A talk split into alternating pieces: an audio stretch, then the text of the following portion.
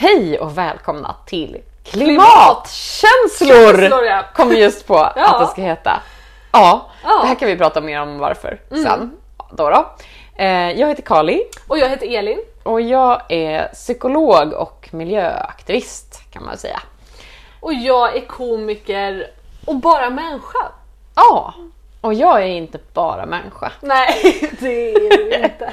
Något Så annat. mycket mer. Ja, Jag gjorde det tydligt första gången vi sågs. Bara så att du vet. Oj, är- jävlar. Nej jag skojar när var det? Ja. verkligen. Ja, nej men det började faktiskt med, det vet inte jag om du vet, men det började med att jag satt på mitt lilla kontor, så här frilanskontor med lite kollegor. Och så tänkte jag på klimatet och psykologin och att det är så deppigt. Alltså, eller det kan vara det och det blir ju ofta en ganska tung fråga. Sådär.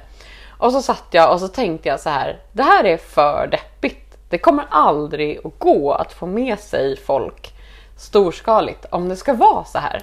Men det är lite som bara, vill du komma på fest? Eh, det kommer att vara lysrörsbelysning, inte finnas några snittar och eh, allting kommer bara vara, det, det kommer ha sånt här radiobrusljud i högtalaren. Exakt. Och du kommer liksom inte ens få hantera det här på något annat sätt än att må dåligt. Du får liksom inte ens vara ironisk eller typ skratta åt den här dåliga festen. Kom på en tråkig fest utan att få vara ironisk.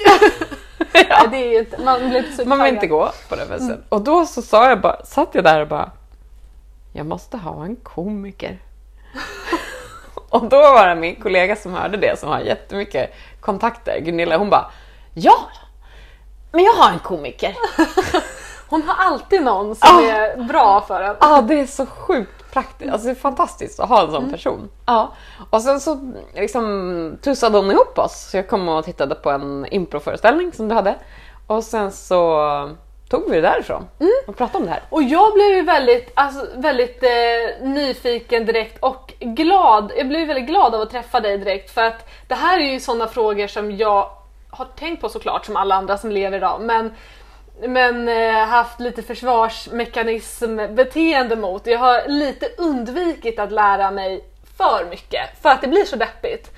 Eh, och så, så tyckte jag det var så himla skönt att träffa dig som kan så mycket, som vet så mycket fast med, med s- en hoppfull eh, attityd till det. Jag, jag blev, jag mådde, första gången tror jag någonsin som jag mådde bra av att prata om klimatet faktiskt. Åh gud, det är ju ändå en fin komplimang verkligen.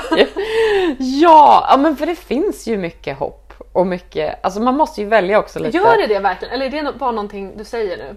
Alltså det finns ju också mycket andra saker Mm. än hopp såklart. Alltså rädsla och jag kan känna mig maktlös och sådär. Eh, men jag känner ju också att hoppet är ju också någonting som jag skapar genom att agera. Men det här kan vi också återkomma till sen när vi ska prata mer om hopp. Um, därför att hopp är ju liksom ingenting, det är inte som så här förälskelse som man bara plötsligt drabbas av och så har man det. Jag vet inte ens om det är så med förälskelse för övrigt. Det måste man väl också anstränga Man måste ju typ gå ut och träffa folk för att bli Man bara, ja förälskad. jag får skita i den där mustaschen. Det får gå ändå. Ja! Orkar det inte lite swipa så. mer.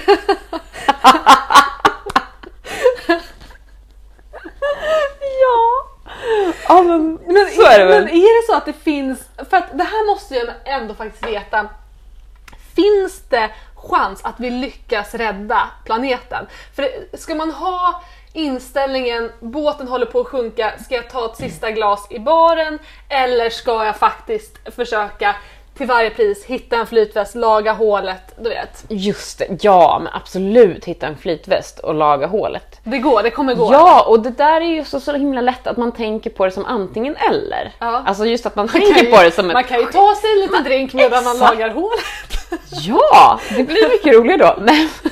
Och också så här, ja, men det är inte heller så att vi kanske befinner oss liksom längst ute på ishavet och har kört på det här isberget och allting är antingen kört eller inte. Utan det handlar ju mer om en gradskala av konsekvenser. Och det är så himla viktigt att veta det. Att eh, ja, men, ja visst, det kommer bli tufft på vissa sätt. Och vi kan inte ens förutse vilka förändringar som kommer komma eller vilka lösningar som kommer komma. Utan, och där tror jag folk väljer ofta, antingen är det så här, jag är optimist, la la la la och så kanske man förnekar lite Känner grann. igen mig jättemycket. Ja. Och jag hör nog till dem också som bara, men någon kommer att hitta på någon app snart som löser det här. man, man går och väntar på de här apparna. Ny teknik va? Det kommer Ja. bli jättebra. Ja, men samtidigt så går ju teknikutvecklingen ganska snabbt. Men, och framförallt så är det så att vi har en massa gammal teknik, also known as naturen, som faktiskt finns och som vi kommer att behöva gå tillbaka till och må mycket bättre av. Och sådär. Vad då? då? Um, ja men. Menar du väderkvarnar och sånt? Ja precis. Du kommer stå och mala ditt mjöl. Alltså gärna för mig. Jag, det kan jag se att jag bor i en kvarn och sen får komma med sitt vete. Jag hade mått, det hade jag mått bra av. Ja men ja. Det, Kanske man tar en liten kaffe med dem som kommer. Just det, ja precis. Att det faktiskt kanske ändå är ganska många som längtar ur det här ekorrhjulet som finns nu. Ja. Faktiskt. Att man vill lite tillbaka till någonting lugnare till kvarnen. Typ. Ja, precis. Ja, men bra, då har vi någon som sitter i kvarnen. Det jag lite mer tänkte på var till exempel att Det var inte det alls. Det var inte just kvarn jag tänkte på precis när jag sa det. Men eh, att det, alltså en stor del av lösningarna kommer ju handla om ändå att ställa om livsstilen ganska rejält. Men att vi behöver göra det på ett sätt så att det blir liksom hög livskvalitet men i linje med naturen. För just nu så som det är så jobbar vi ganska mycket mot naturen hela tiden. Alltså vi jobbar ju egentligen också i princip som aktivister nästan mot liksom hindra klimatförändringarna. Istället för så här, men vad bygger vi upp då? Och naturen kan ju göra massa saker. Den, har ju, den finns där liksom. Den har funnits hur många, hur många miljarder år var det? Det här pratade vi lite om. Åh, när jag vi borde drack kunna kaffe. det här för jag går en Men- rymdkurs. Eh, jag kommer inte ihåg men väldigt många miljarder år. Ja, några jag sju, har det sju uppskrivet i gissar ett vi. block eh, på mitt skrivbord. Ja, några miljarder år i alla fall har ju naturen funnits. Människorna har väl bara funnits i typ 350 000 år, eller Ja. så jättekort tid. Ehm, så att naturen finns där, den sköter sig själv, det är ett jättekult och komplext system som kan forma om sig på massa olika sätt. Men vi kan också leva som ett med det. Det har vi gjort i alla tider. Men den här, den här bilden av att leva med hög livskvalitet i en, enhet, säger man, i enlighet med naturen. Mm. Hur skulle det kunna se ut?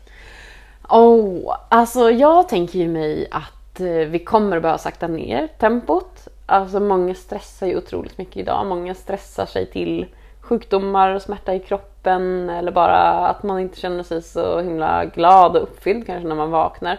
Ehm, och ett svinbra sätt att varva ner är ju just naturkontakt. Bara en sån sak som att titta på träd har ju visat sig göra att man läker snabbare från operationer till exempel. Är det sant? Ja! Så att vi behöver verkligen naturen för att kunna må bra. Och vi behöver ja, men kanske det lugnet som finns, de formerna, färgerna och så. Ehm, men hur skulle det livet kunna se ut? Alltså det är så svårt för om jag säger någonting då kommer ju så här några personer bara usch det där livet vill inte jag. Alltså det är så svårt att vara modig och våga säga sina visioner tycker jag. Ehm, men för mig handlar det jättemycket om att jag kommer att producera en viss del av den maten som jag äter. Och då får jag en helt annan respekt för mat. För att min kropp byggs upp av någonting som en del av ett större kretslopp. Ehm, och sen måste inte alla gå ut och bli så här hackbönder och man får aldrig äta någonting gott. Så är det ju verkligen inte heller. Utan det måste ju vara så att vi använder den bästa teknologin vi har i kombination med den gamla teknologin, om man säger så. Ja, för kommer man eh, kunna leva i städer? I den där framtidsverkligheten? Ja, där finns ju också massa olika scenarier på det. Så här, ja, I vissa scenarier så tänker man sig att alla måste leva i städer för att, eh, jag vet inte ens varför. Ja, för att man inte kan ha någon bil om man bor på glesbygden typ.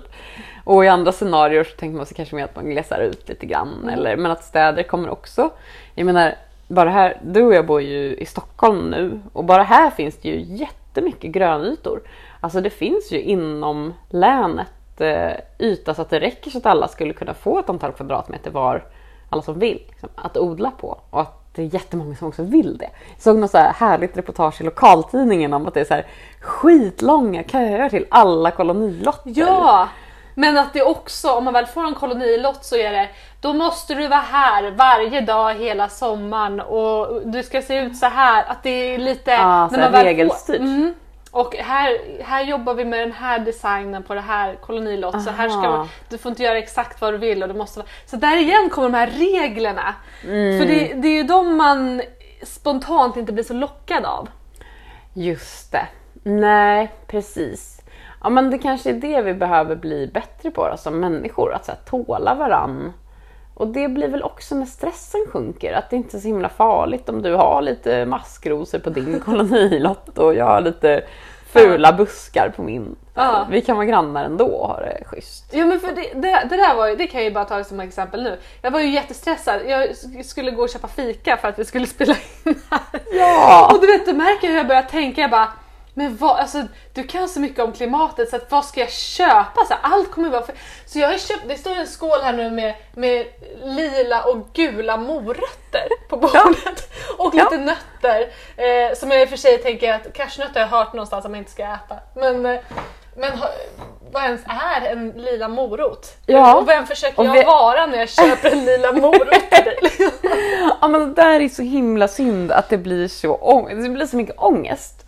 Och att också så fort det är en person som bara, ah, men jag är intresserad av, som jag då, liksom, ah, ah, miljöaktivist liksom. Då tror alla att jag kommer komma in som någon så här dömande häxa som bara, "Ah, har du köpt cashewnötter? Fy fasen för dig liksom. Och även fast kanske folk fattar att jag kommer inte säga så, Ja. så tror de att det är så jag tänker. Och det är ju inte det. Ehm, Nej för det visste jag ju också någonstans att jag känner ju ändå dig lite nu. Att jag trodde inte att det skulle vara så. Men någonstans så sätter det igång. Och det är väl därför som man undviker det så mycket. För så fort man försöker göra rätt så märker man hur svårt det är att inte göra fel. Och då börjar man slå på sig själv så tänker man äh, jag håller för öronen och eh, eh, så, så kommer det nog någon app snart som löser det här. Ja men gud. Ja, men, och det är ju det som väl, det är en sorts klimatångest kan man säga. Och det, det kanske är det som vi ska ha lite som tema här för det här första avsnittet tänkte jag ändå att vi så går igenom lite grann. Vad är det här som vi kallar för klimatångest? Ja. Och hur funkar det egentligen? För det som du nämner nu det är ju skuld eller skam. Och det tror jag är en jättevanlig, och skuld och skam det är sådana känslor som man absolut inte vill ha. Alltså när man känner skam då vill man ju försvinna bara. ja, jag vill försvinna på Coop med min Ja. med min korg med lila morötter. Jag bara, vem är jag? Just det! Alltså gud vad hemskt! Ja. Men det var Jag hade en jättefint. svår tid. ja. Ja, ja men, och det är ju en del av klimatångest. Alltså man kanske tänker då klimatångest att det mest skulle röra sig om så här nojiga personer som sitter och ältar typ eller oroar sig. Och så, det är ju verkligen min erfarenhet som psykolog att så är det oftast inte. Utan många personer som jag träffar som har klimatångest och som också söker alltså på mottagningen. Just nu jobbar jag deltid på en psykologmottagning. Så då kommer det ju många med klimatångest dit Är det så att fo- det är vanligt att folk kommer just specifikt med den typen av problematik? Jag har för mycket klimatångest, jag måste gå i terapi. Ja, men det är nog för att jag också har skrivit att jag jobbar med det. Så jag tror kanske inte det är så vanligt för psykologer generellt. För att man känner nog också när man har klimatångest att det är inte säkert att en psykolog kan hjälpa mig med det här. För det handlar ju inte om egentligen mitt psyke utan om världen. Vilket ju är vettigt. Alltså det är vettigt att tänka så. Men sen kan det ju ändå bli att man om man har jättemycket ångest, typ oroar sig mycket så här, att det dels sänker livskvaliteten. Det kanske gör att man blir handlingsförlamad eller man kommer ingen vart. Och det är ju inte heller bra för miljön eller klimatet i sig. Så då kanske det ändå finns grejer som man behöver ta tag i. Men det vanligaste, liksom, den vanligaste patienten som jag träffar, det är ju någon som säger så här, alltså jag har egentligen aldrig varit en särskilt orolig person. Men sen kom det här med klimatet. Och nu kan jag bara inte släppa det. Ja. Jag känner igen mig i det. Gör du? Jättemycket. Jag är inte neurotisk, orolig eh, som person. Men, eh, men det här är så, så stort så att det eh, så att det liksom, ja men det triggar igång någonting. Precis. Ja, det, det triggar igång, jag tror att det är någon så här existentiell ångest. Kan det inte vara det också? Oh, ja. Jo, för det i och för sig har jag ju generellt. Ah, alltså jag, jag mm. tänker ju, alltså, ah, eller vad ska jag säga? Jag skulle inte kalla det för, jag skulle inte kalla det för dödsångest. Mm. För det är inte som att jag känner ångestkänslor eh, av döden till exempel. Men jag tänker mycket på döden. Jag tänker mycket på döden, jag tänker mycket på rymden, jag tänker mycket på min plats i universum, hur saker hänger ihop. Eh, så jag tänker mycket på de grejerna men jag... Inte så ångestladd, och det är ju det som är skillnaden då. Att jag tänker mycket och, och gillar att läsa på om rymden, för det gör mig inte känslomässigt ångestfull. Men klimatet, där har jag ju valt får man ju säga att inte läsa på för mycket för att där triggas de här äh, faktiskt äh, jobbiga känslorna igång. Ja, och det är väl för att hotet är så nära. Alltså Precis. rymden, då okej, solen kommer svälla upp och bli en röd jätte och ta koll på oss, men det är så himla långt bort i framtiden Mm. så att eh, det, behöv, det är liksom svindlande men inte akut. Det är inget som du ens kan göra någonting åt. Nej precis, men o- egentligen döden kan ju också vara nära, vad vet jag. Ja, men det. där får jag inte samma ångestkänslor heller. Det är faktiskt lite intressant, för Ja, så är det för mig också. Är jag konst? Är det så för dig också? Ja, ja men verkligen. Vad är det för fel på oss då? Eller? Men så ta in en till psykolog och jag svara på det.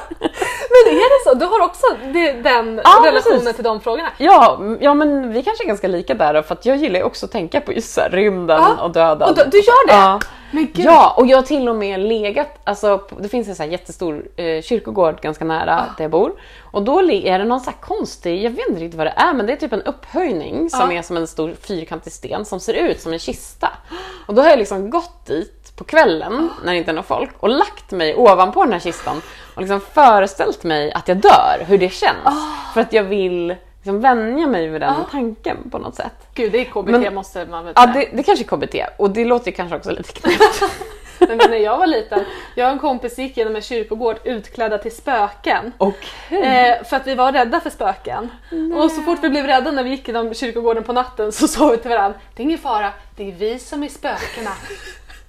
Men gud vad bra! Vilken bra terapi! Tänk att det är lite samma grej. Ja! Bekantar sig med, men man kan ju inte bekanta sig med, med mass, utro, alltså massdöd eller eller? Skulle Nej. det vara bra att, att lägga Ah, sig just det. Vad ska man då göra liksom? lägga sig på ett kalhygge och bekanta sig med tomhet i naturen. Alltså det kanske, det, jag vet inte, jag har aldrig provat. Eh, Eller har jag aldrig tipsat någon om att göra det heller. Men det kan, om om man har väldigt mycket nojig kring det så kanske det, alltså det är faktiskt ganska intressant. Det kan vi prata mer, det kan vi typ göra ett helt eget avsnitt av som handlar om att, så här, att möta sina värsta tankar. Ja. För ibland så är det ju en del av att komma vidare att faktiskt våga möta dem istället för att fly från dem hela tiden.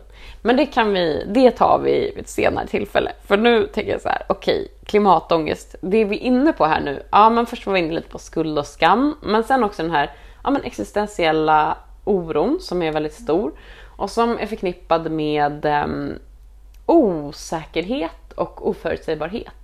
Och kanske också maktlöshet. De, det är ju väldigt viktiga ingredienser i klimatångest. Eh, för att om man kände så här, ah, men det är lugnt och allt kommer lösa sig och verkligen trodde på det, då skulle man antagligen inte oroa sig så mycket. Man skulle inte ha så starka känslor. Um, men sen kan man ju också känna sorg. Um, och det, alltså, när jag började hålla på med klimatfrågan och sådär, då trodde jag att jag hade jättemycket klimatångest. Och det var därför jag började typ läsa om det och skriva om det. Och så för jag bara, ah, men jag är typ psykologen som har klimatångest. Så här, jag kanske kan bidra med någonting. Och jag, jag var också ganska öppen med det och typ gick ut och sa det. Liksom, ah, men jag har jättemycket klimatångest. Men sen efter ett tag nu så har jag fattat att det var ju inte direkt ångest som jag hade.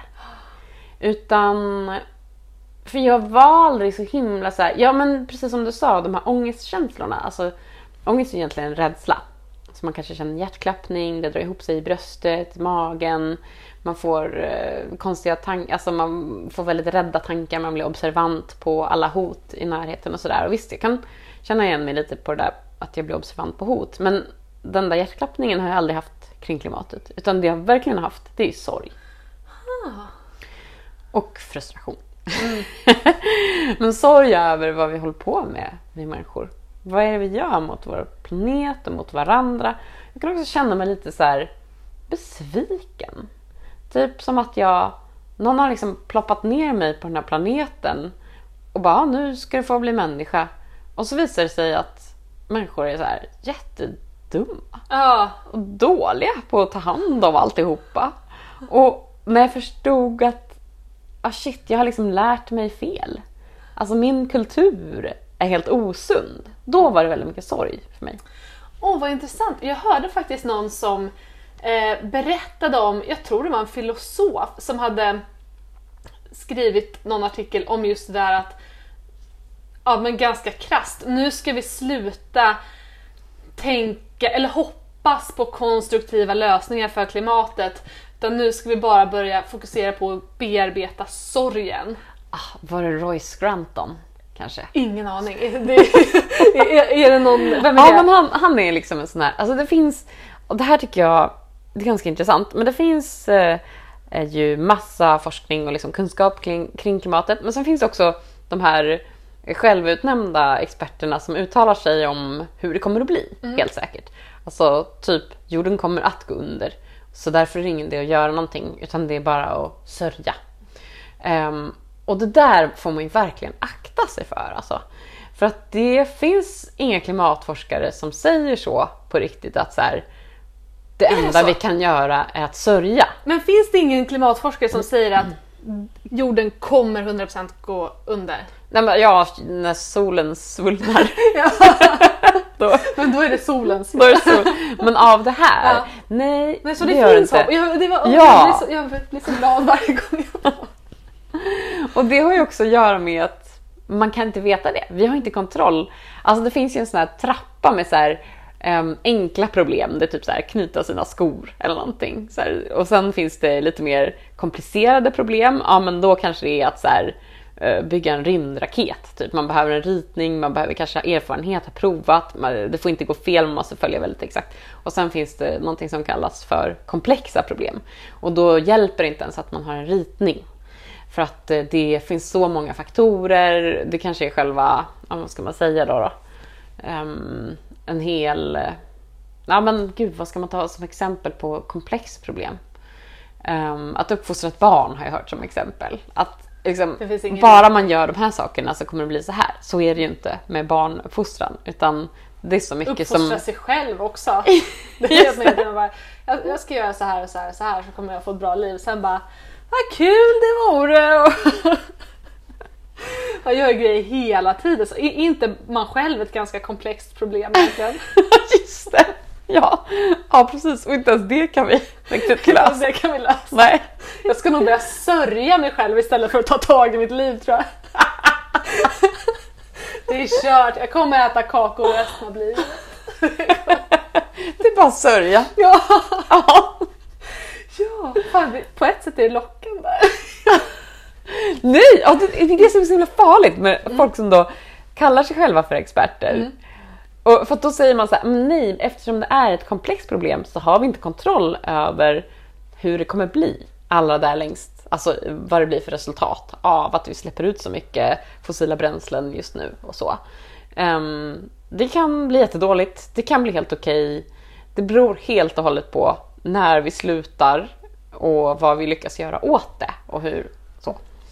Ehm, och det kan vi faktiskt inte kontrollera så därför finns det ingen seriös forskare som säger så här exakt så här kommer det bli. Det finns bara massa olika scenarier som är mer eller mindre troliga då enligt beroende på vem man lyssnar på.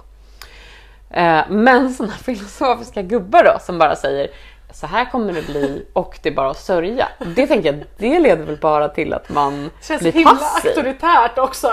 Det är det här som gäller, gråt. Ah, fy. Det känns väldigt så.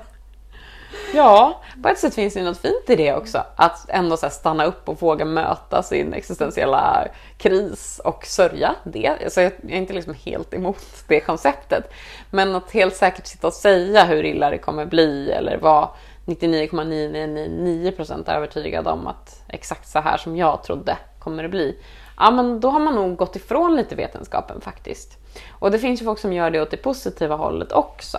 Och det är ju samma varningsklocka som ringer där. Liksom. Någon som bara, nej men det finns inga problem.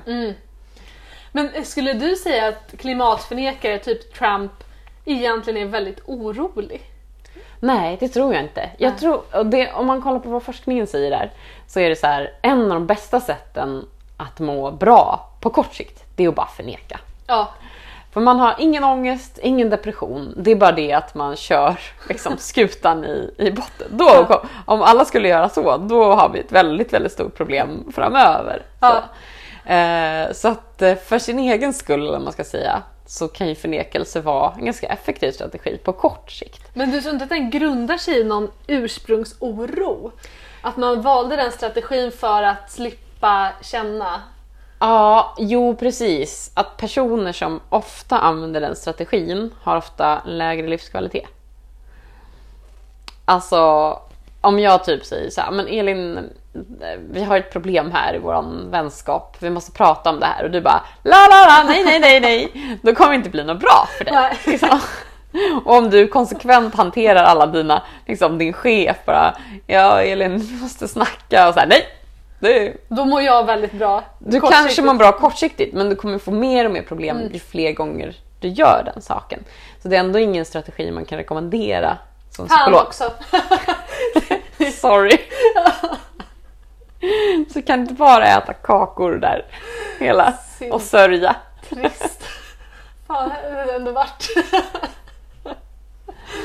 Ja, nej, men jag fattar. Ja, men, och det är faktiskt ganska intressant också. En eh, forskare på klimatoro från Sverige som heter Maria Ojala, hon har kommit på att folk som oroar sig väldigt mycket och ältar väldigt mycket, alltså att man tänker väldigt mycket tankar, det är faktiskt också en sorts undvikande. Därför att det hindrar en från att känna känslorna man stannar ganska mycket upp i huvudet. Det kan jag förstå. Eh, och jag tänker, kan det där vara kopplat till det här? För man ser ju på vissa också att det nästan blir ett eh, självdestruktivt späkande beteende att göra allting helt, helt rätt när det kommer till klimatet. Att det blir så ångestladdat att inte källsortera på molekylnivå så att man helt, och så hittar man nya saker hela tiden som man måste bara göra perfektion av. Är det också då ett sätt att prokrastinera eh, sin oro? Förstår du vad jag menar? Aha. Ja, alltså det beror väl lite på varför man gör det. Eller jag menar, om man verkligen tror att det är det som kommer hjälpa, då är det inte som att det är prokrastinering. Utan då gör man ju det för att det känns som det mest meningsfulla. Um, men um, jag skulle kanske säga att det är synd att fastna i det där perfektionistiska. Därför att då får man oftast inte grepp om helheten utan man blir ganska ensam. Eh, och Ja, det ju... det lägger väldigt mycket ansvar på sig själv. Ja, och skuld. Och det drivs ofta också av, kanske inte att det känns så himla bra, utan mer att man vill slippa känna sig dålig. Precis. Det, man vill, det är en strategi att komma bort från de jobbiga känslorna. Mm. Precis, och det vet man som psykolog att folk som drivs mycket av att bara fly från negativa känslor blir ofta mer olyckliga på sikt. Så. Eh, många som blir liksom deprimerade eller får liksom, den sortens problem har ofta den grejen. Att man har börjat göra massa saker för att slippa känna skam eller kännas dålig eller så. Typisk grej med utbrändhet också eh, för vissa. Vissa blir i och för sig utbrända för att de har så himla roligt också. Är liksom att man faktiskt tycker att det är väldigt kul. Så. Eh, Och ja. då kan det ändå varit värt det på något sätt. Nej! Nej, jag skojar. Nej! Man får väl portionera ut. Någon måtta får det väl vara. Man Den måste återhämta sig gyllene också. medelvägen. Men vad ska man göra då? Alltså om det inte ger jätteeffekt av att eller om man inte kan ta allt ansvar själv. Mm. Vad, vad finns det? Man ska inte ta allt ansvar själv, men man ska heller inte vara passiv. Vad Nej, finns där just det, precis. Jo, men kollar man där på forskning då, då så ser man att det finns fem vanliga strategier på att hantera klimatoro. Och då, den första är då förnekelse. Att man bara bopp, stänger av så. Och där klassar man även in att eh, förminska problemen. Alltså man säger att jo visst, det där är en viktig fråga men eh, mina barns fotbollsträning är viktigare just nu. Så, och det måste man kanske göra ibland för att klara vardagen och överleva. Alltså jag gör själv det en hel del. Så jag, ibland måste jag förminska för att bara orka jobba med det här. Men sen ska man nog inte göra det hela tiden utan ibland får man ta sig en liten paus och eh, titta på verkligheten som den är och kanske lägga om sin vardag lite utifrån vad som behöver hända. Så tänker jag.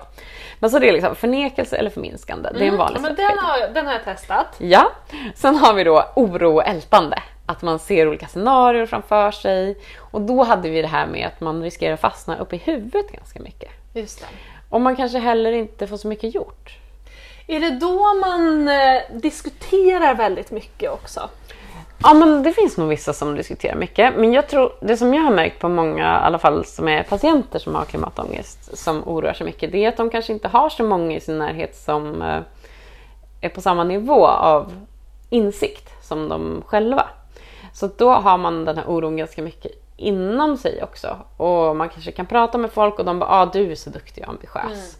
Men man känner sig hela tiden lite så här awkward eller utanför. Så att, Gud, det måste bli också en ganska eh, jobbig identitetsgrej. Att man känner så att allt är jättejobbigt och så blir man bemött med att vad duktig du är som känner så. ja. Det säger ju något ganska eh, dåligt till hur, alltså man blir uppmuntrad på fel sak. Ja, verkligen. Och, och, och det är oftast inte så uppmuntrande för den personen som får höra det. Utan Nej. det kanske är mer så här, avsett på ett positivt sätt för den som sa det.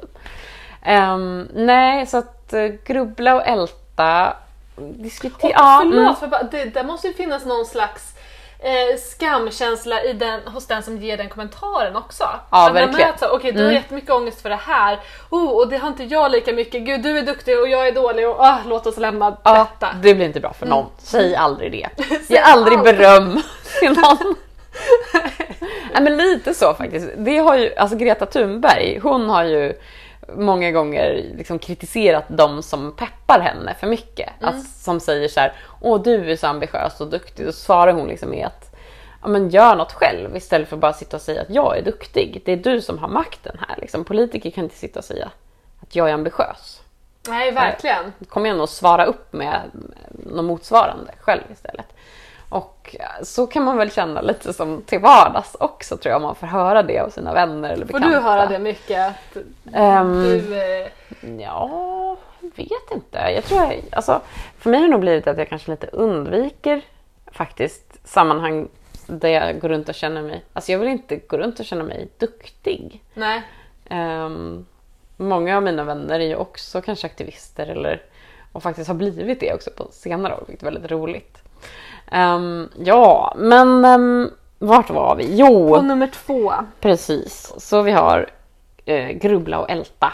Funkar inte så bra. Man får mycket ångest men man får inte så mycket gjort ofta. Och man kanske inte heller bearbetar det som man behöver bearbeta. Sen har vi då tre lite mer konstruktiva strategier.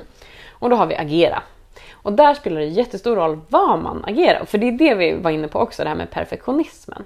Att man kanske agerar på så sätt att man försöker vara den perfekta människan. Men det som händer är att i början känns det ganska härligt och man känner liksom en kanske samhörighet med ekosystemet och bara åh jag gör rätt för mig, det är jättebra. Men efter ett tag så märker man att det här förändrar inte samhället. Det är bara jag som har förändrats. Men fem år senare eller två år senare så ser det kanske ännu värre ut i statistiken. Ja, för det är lite som att jag tror man kan tänka att eh, okej det är människorna som är problemet. Då ska jag som är människa försöka göra att det märks så lite som möjligt att jag finns. Mm, precis. Eh, istället för att då, jag gissar att du kommer komma till att eh, det är bra att det märks att man finns om man gör bra grejer. Ja, men, ja. men man fastnar i det att låt mitt avtryck vara så litet som möjligt. Så att det, är- och det är också lite deppigt att det ibland när det kommer till klimatet pratas om att "Ja, men jag, åh, jag gör så mycket för klimatet för jag har inga barn. Och, man bara, men, och det är klart att det gör ju mindre avtryck med en människa mindre. Men det känns som en så otroligt deppig utgångspunkt att, att det bästa vore om vi bara försvann, eller blev färre och färre. Mm, och gjorde mindre och mindre väsen av sig. Eh, exakt, precis. Ja, ja men det, precis. Det är någonting med den utgångspunkten som inte är helt eh, sund, tror jag. Eh, I alla fall inte om man bara är där. Men sen är det klart att det är bra att ta ansvar för sitt ekologiska fotavtryck och sådär. Så det är inte så att det är meningslöst. Och många som gör det kan ju också känna att okej, jag vet att det här kanske inte förändrar världen, men det är viktigt för mig. Och därför så skapar det mening och motivation Och därför så fortsätter jag göra det. Alltså så kan det vara för mig ganska mycket. Att jag ändå men försöker liksom tänka hyfsat kring kostval och resor och sådär. Eh, men eh, jag försöker heller inte ha perfektionskrav på mig själv. Men jag vill inte göra något annat för det skulle ju bara kännas fel. Mm. Um, mm, men det som är intressant där då, det är ju så här kanske också när man gör alla de där grejerna sådär perfekt så är man ofta ganska ensam. Alltså man sorterar själv om man går till mat. Du gick och köpte de lila morötterna ja, själv. Jag känner mig helt ensam. ja, men man ska fatta alla de här besluten så himla själv. Mm. Och det handlar hela tiden om att försöka göra, precis som du sa, så mindre dåligt, eller så lite dåligt som möjligt. Precis. Istället för att skapa någonting nytt, någonting konstruktivt. Och det är ju också väldigt svårt att göra själv. Alltså så här, om jag, jag blir taggad när du säger så att bara, ja, jag ska göra någonting. Eh, men jag blir direkt så, vad, men vad ska jag göra? Ja, och då är de här konsumtionsvalen är det som vi har makt över. Exakt, och det som ja. man också har hört mest om. Ja, det här måste vi också göra ett helt eget avsnitt om, för det är en så himla viktig fråga tycker jag. Eh, så om man går vidare lite där i den här, okej okay, vi har förnekelse, inte så bra, grubbla och älta, inte så bra, agera, ja men det kan vara bra, men det kan faktiskt också bli dåligt och destruktivt om man då går in i för mycket perfektionism. Um, och då kommer steg nummer fyra på den här liksom, hanteringsstegen och det är socialt stöd. Alltså man kan se att folk som har socialt stöd, någon att prata med, någon som tar deras känslor på allvar, de mår faktiskt mycket bättre i sin oro för klimatet och kan också bli mer konstruktiva. Kan agera mer och tycka att det är mer värdefullt att få saker gjorda. Eh, på ett, ja, men det blir som en generellt sett mer positiv känsla. Så i sitt agerande så behöver man göra det på ett sätt som skapar socialt stöd. Och där tänker jag att det enklaste sättet är ju att man helt enkelt inte bara ska vara ensam i allt man gör. Sen kan man få vara det ibland i vissa grejer, handlingar sådär. Och den femte saken på den här hanteringsstrategilistan, det är att skapa mening och hopp. Precis! Och det är det, det, är det jag sitter här och försöker dra i hela tiden. Bara, men det finns hopp va? Eller det finns... Ah. Ja, men för det är väldigt lätt att tänka att båten redan är på väg att sjunka. Det är det, det, är det som kommuniceras ut absolut mest. Ja. När man kollar på nyheter och nu har det släppts den här rapporten och den här rapporten. Om man ska tolka det som kommer i ens eh, breda flöde så är det ju den bilden att allt är kört och, och, och, det blir också så himla i kombination med allt är kört men skärp dig!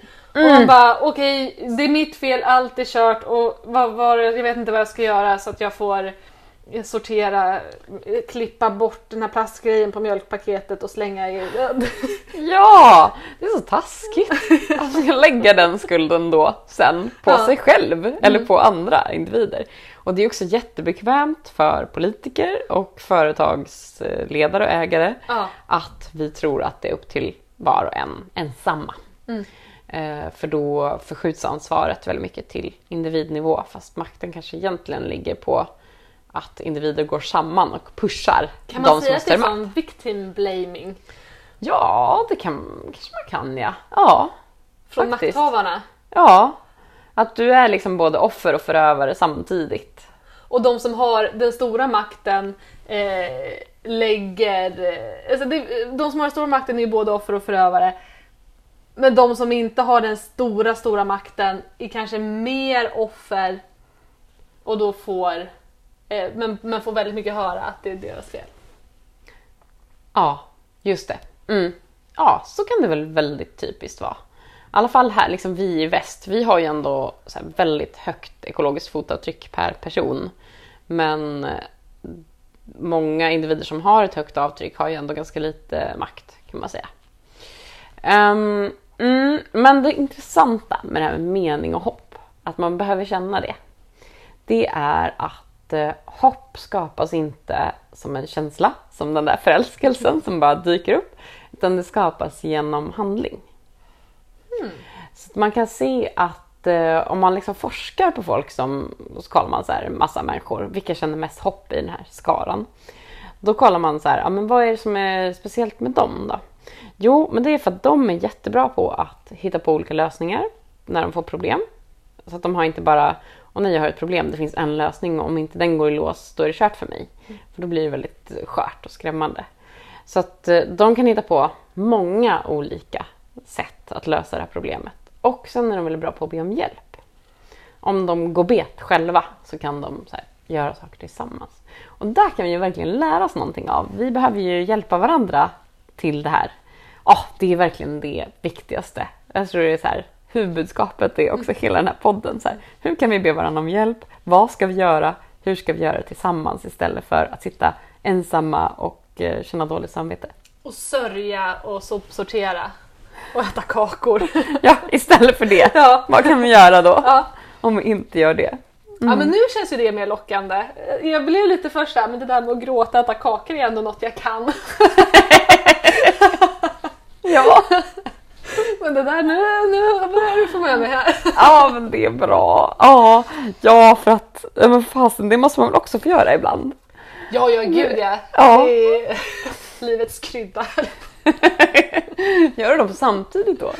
Jag, jag har en vision av att, att det är så mysigt när man är ledsen. Det här tröstätandet. Sitta. Fast jag brukar mer äta, jag brukar mer äta kräftor när jag är ledsen. Va? Ja, faktiskt. Så här, jag måste bara få krossa en liten kropp så här. Jag, måste, det, jag tror att det är någon mindfulness-grej. Att det är så mysigt att sitta och sådär, man blir helt insugen i det här äh, pillandet och surplandet. Om jag hade ett riktigt dåligt gig då kan jag gå hem och äta kräftor själv. Det är sant. Det var gulligt ändå. Så det, det, den här fläcken som är i soffan här, Ja. det är jag tappade en kräfta i, i soffan. Just det, och den blev så rädd så den kissade på sig. Den, exakt, precis. Över hela. Ja. Stackarn. Gud vad det kändes som att det var helt motsatsen till ditt budskap som jag bara, ja, eller så kan man bara döda djur och... Men jag tyckte ändå, alltså grejen är så här också att jag har aldrig ätit en kräfta. Har du inte? Nej. För att jag blev vegetarian, alltså jag tyckte det verkade läskigt när jag var liten. Och sen blev jag liksom vegetarian när jag var kanske 15 eller någonting. Men nu har jag börjat äta lite så fisk och skal. Alltså jag har en tanke om att jag skulle lära mig äta skaldjur. Men jag har inte riktigt, jag försökte äta en räka. Men det var inte gott. Men jag är också jättedålig på, jag kan inte tillaga sån mat. Men det liksom. är ju inte att tillaga. Kräftor är bara att tina och äta direkt. Ja, Vad ja. Äter man dem råa? ja, alltså du köper en sån här kartong, lägger Ja. i vasken, fyller upp med varmvatten, väntar en halvtimme och sen är det bara att köra. Va? Superlätt, Men det är mest lättlagade som finns. Oj, gud. Ja, det här låter helt sjukt. Det här kommer bli ett ömsesidigt utbyte där jag får lära dig att bli aktivist och du får lära mig att äta en Alltså, kräfta. nästa gång jag ska köpa fika till dig, kanske blir kräftor. Ska vi säga hej då? Ja, precis. Ehm, ja, det här var första avsnittet av Klimatkänslor. Hette det så? Det Ja. hette så! Klimatkänslor Okej, har kör. du lyssnat på. Vi tar om det. Det här var första avsnittet av Klimatkänslor. Det var vad det var. En podd med Carl Andersson. Och Elin Almén. Ja, Hej då! hej då!